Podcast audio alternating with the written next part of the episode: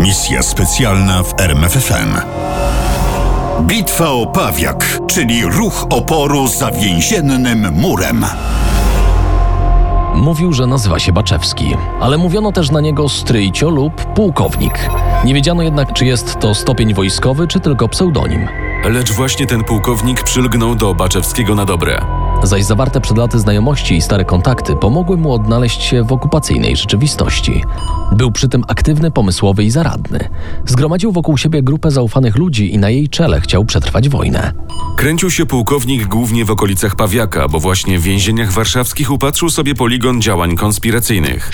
A tu w porównaniu z drugą RP wiele się zmieniło. Po epizodzie wojny wrześniowej 1939 roku, już pod okupacją niemiecką, służba więzienna stopniowo odnajdywała się w nowej rzeczywistości. W styczniu 1940 roku ruszyło więzienie mokotowskie przy Rakowieckiej. Wiosną przywrócono do pracy oddział męski Pawiaka. Skąd ta kilkumiesięczna zwłoka? Otóż powody były różnej natury. Tu jednak wymienimy dwa podstawowe: zniszczenia wojenne i braki kadrowe. O ile jednak zniszczenia nie były wielkie i można je było usunąć w stosunkowo niedługim czasie, o tyle problem z personelem był już poważniejszej natury.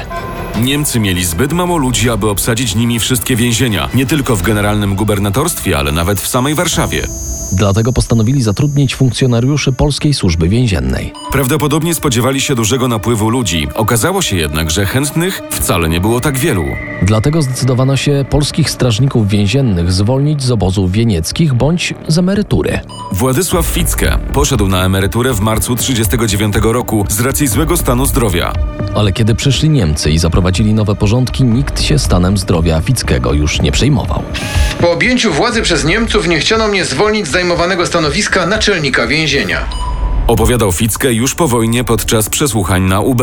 Ficke nie był wyjątkiem. Owszem, lecz z drugiej strony i tym sposobem niewielu ludzi udało się Niemcom zmusić do nowej służby. Dlatego odwołali się do restrykcji prawnych. Już 8 października 1939 roku z nakazu okupanta miasto stołeczne Warszawa i Departament Karny Przedwojennego Ministerstwa Sprawiedliwości wydały rozporządzenie, w którym nakładano kary na uchylających się od obowiązku służbę. Czy to pomogło?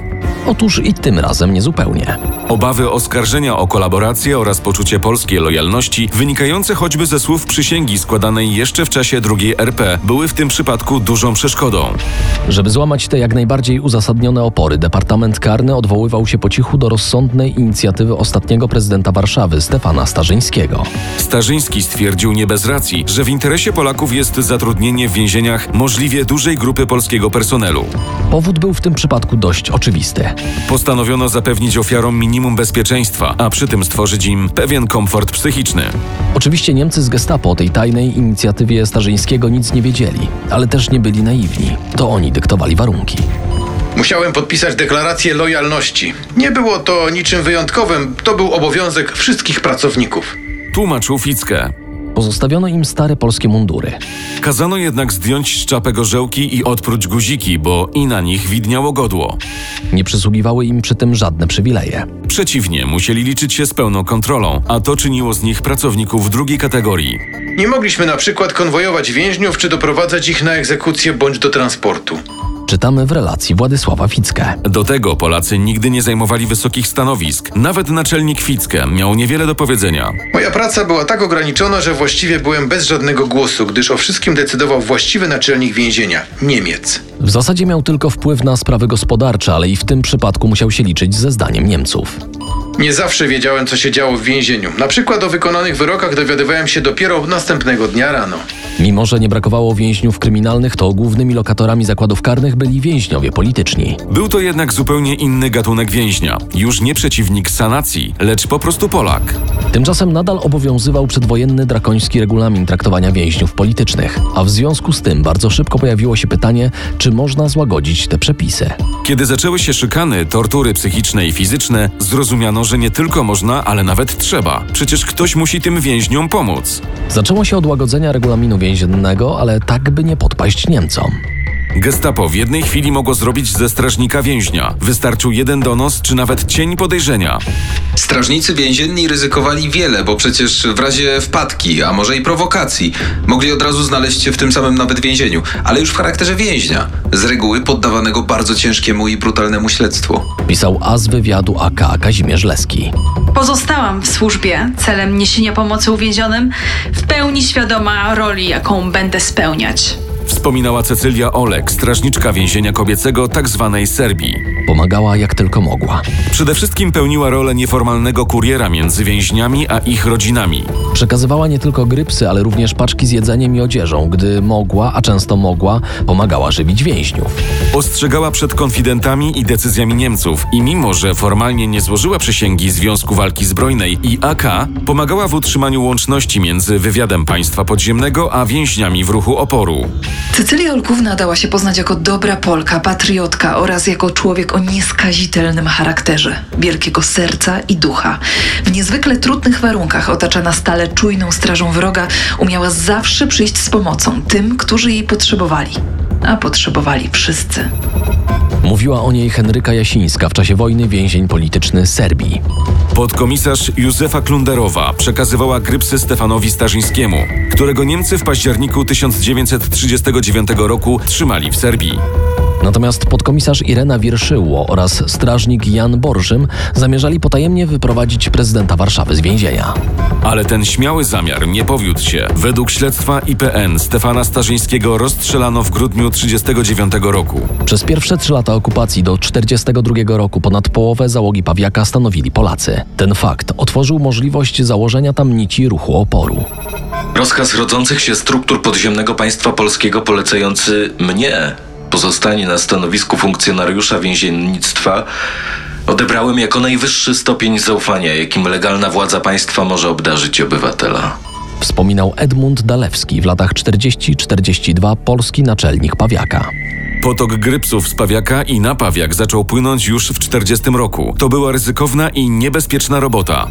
Każdy błąd, każdy nierozważny krok groził aresztowaniem i prawie niechybnie samotną śmiercią w lochach Alei Szucha. Pisał Józef Garliński Long, szef referatu 998 zajmującego się łącznością z więźniami. Niemcy nie od razu wpadli na ich trop, lecz w końcu ktoś sypnął. Gestapo zorientowało się, iż mimo ostrego regulaminu i stałej kontroli różne wiadomości w tajemniczy sposób przenikają poza mury więzienia. Meldował Kazimierz Gorzkowski, pierwszy szef komórki więziennej ZWZ. W lipcu 1941 roku podkomisarz Edmund Dalewski i podkomisarz Wanda Gawryłow dostali ostrzeżenie. Aresztujemy was, jeśli polski personel więzienia nie przestanie nosić grypsów. Dalewski był polskim naczelnikiem Pawiaka, Gawryłow komendantką więzienia kobiecego Serbii. Docieranie do więźniów, dostarczanie i odbieranie tajnej poczty, pomoc w znoszeniu cierpień, wszystkie te czynności wymagały precyzji, ostrożności i odwagi. Pisał Garliński. Bo choć nie nosiło się przy niej broni, była to pierwsza linia frontu, jeszcze bardziej niebezpieczna niż spotkanie z nieprzyjacielskimi czołgami.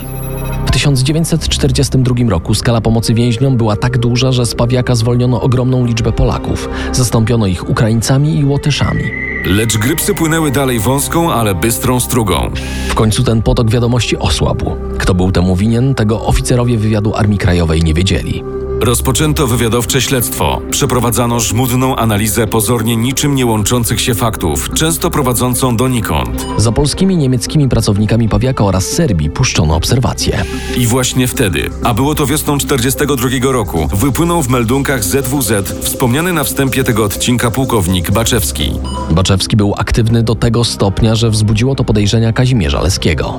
Informacje o Baczewskim były tak częste i napływały z różnych środowisk, że wydawało się niemożliwe, aby o działalności pułkownika Baczewskiego nie wiedzieli również Niemcy. A przecież go nie aresztowali. Dlaczego? Aby odpowiedzieć na to pytanie, należało najpierw dowiedzieć się, kim jest pułkownik Baczewski. Tę zagadkę pomógł rozwiązać nowy nabytek oddziału drugiego, wywiadowczego KGAK za murami Pawiaka, a zarazem lojalny człowiek Baczewskiego Władysław Ryszkowski. Po niedługim śledztwie okazało się, że Baczewski tak naprawdę nazywał się Józef Hammer i od czasów I wojny światowej współpracował z wywiadem niemieckim. Udało się też uzyskać jego rysopis. Wzrost więcej niż średni, szczupły, zarost nieco rudawy, często nosił duże stalinowskie wąsy. Pisał Leski. Hammer Baczewski na zlecenie swoich niemieckich mocodawców założył fikcyjną organizację konspiracyjną, nadwywiad rządu londyńskiego i rekrutował do niej ludzi. A ponieważ wśród kadry więziennej patriotyzm był powszechny, znalazł wielu chętnych. Baczewski znalazł ludzi wysokooideowych, reprezentujących najwartościowszy element Straży Więziennej, przekonanych, że praca ich ma z konieczności charakter tajny i potrzebny naczelnemu dowództwu. Pisał Leski. Hammer Baczewski był do tego stopnia zaradny, że potrafił znaleźć kontakt z polskim podziemiem. Oczywiście po to, by zdekonspirować tych ludzi i wydać ich gestapo. Spotkał się nawet z kierownikiem komórki więziennej Komendy Głównej AK Kazimierzem Gorzkowskim. Był jednostką wybitną. Na konspiratora się jednak nie nadawał. Był chyba jego antytezą. Gorzkowski ufał ludziom bezkrytycznie. Podczas rozmów z cynicznym Baczewskim dał się omotać do tego stopnia, że de facto Baczewski przejął kontrolę nad komórką więzienną Gorzkowskiego. Ale Hammer Baczewski nie wiedział, że w głębokiej tajemnicy kontrwywiad AK montuje drugą sieć wywiadowczą w więzieniach. Wywiad więzienny W, którym kierował znany nam już Józef Garliński Long. To właśnie Long, obok wspomnianego już Ryszkowskiego, miał odegrać w tej historii ważną rolę. W marcu 1942 roku gestapo aresztowało 27 polskich funkcjonariuszy Pawiaka, co oczywiście było wynikiem kolaboracji Baczewskiego. Po dwóch dniach przesłuchań wysłano ich do Auschwitz. Nie oszczędzono również Serbii. Aresztowano pięć kobiet i wysłano do obozu koncentracyjnego w Ravensbrück. Akcja gestapo osiągnęła tak wielkie rozmiary, że zaczęto się obawiać o zdrowie naczelnika podkomisarza Edmunda Dalewskiego. Dlatego przeniesiono go z Pawiaka na stanowisko pomocnika naczelnika więzienia przy ulicy Daniłowiczowskiej w Warszawie. Natomiast 30 kwietnia 1942 roku gestapo aresztowało kolejnych siedmiu funkcjonariuszy, których miesiąc później rozstrzelano. Nadspodziewanie wysoka skuteczność aresztowań podsunęła oficerom kontrwywiadu AK przypuszczenie, że za tym sukcesem musi się kryć Baczewski. Należało działać bez zbędnej zwłoki, aby zakończyć ten katowski proceder. Wiedzieliśmy, że Baczewski uzyskał spory wgląd w pracę komórki Gorzkowskiego. Pisał Leski. Nie wiadomo było jednak, jak głęboko i przez jakich ludzi sięgały jego źródła informacji. Śledztwo przyniosło rezultat na początku maja. Odsunięto na margines sieć szpiegowską Gorzkowskiego. Od teraz cały wywiad więzienny opierał się na agentach Garlińskiego. To pomogło zorientować się, jaką rolę odgrywał w kontaktach z ruchem oporu Józef Hammer Baczewski. Aby go zneutralizować, Garliński musiał mieć zaufanego człowieka na Pawiaku. Szukał wśród współpracowników zarówno starej, jak i nowej siatki szpiegowskiej. W końcu wybór padł na Władysława Ryszkowskiego. Aby Ryszewskiego przekonać do współpracy, Garliński pokazał mu dowody. W Ryszkowskiego jakby grom trafił. Nie mógł uwierzyć, żeby jego szef, którego darzył pełnym zaufaniem, mógł być agentem gestapo. Zapisał Leski. Ryszkowski dał się w końcu przekonać, co nastąpiło po dramatycznej rozmowie. Złożył przysięgę żołnierza Armii Krajowej i przybrał pseudonim Babinicz.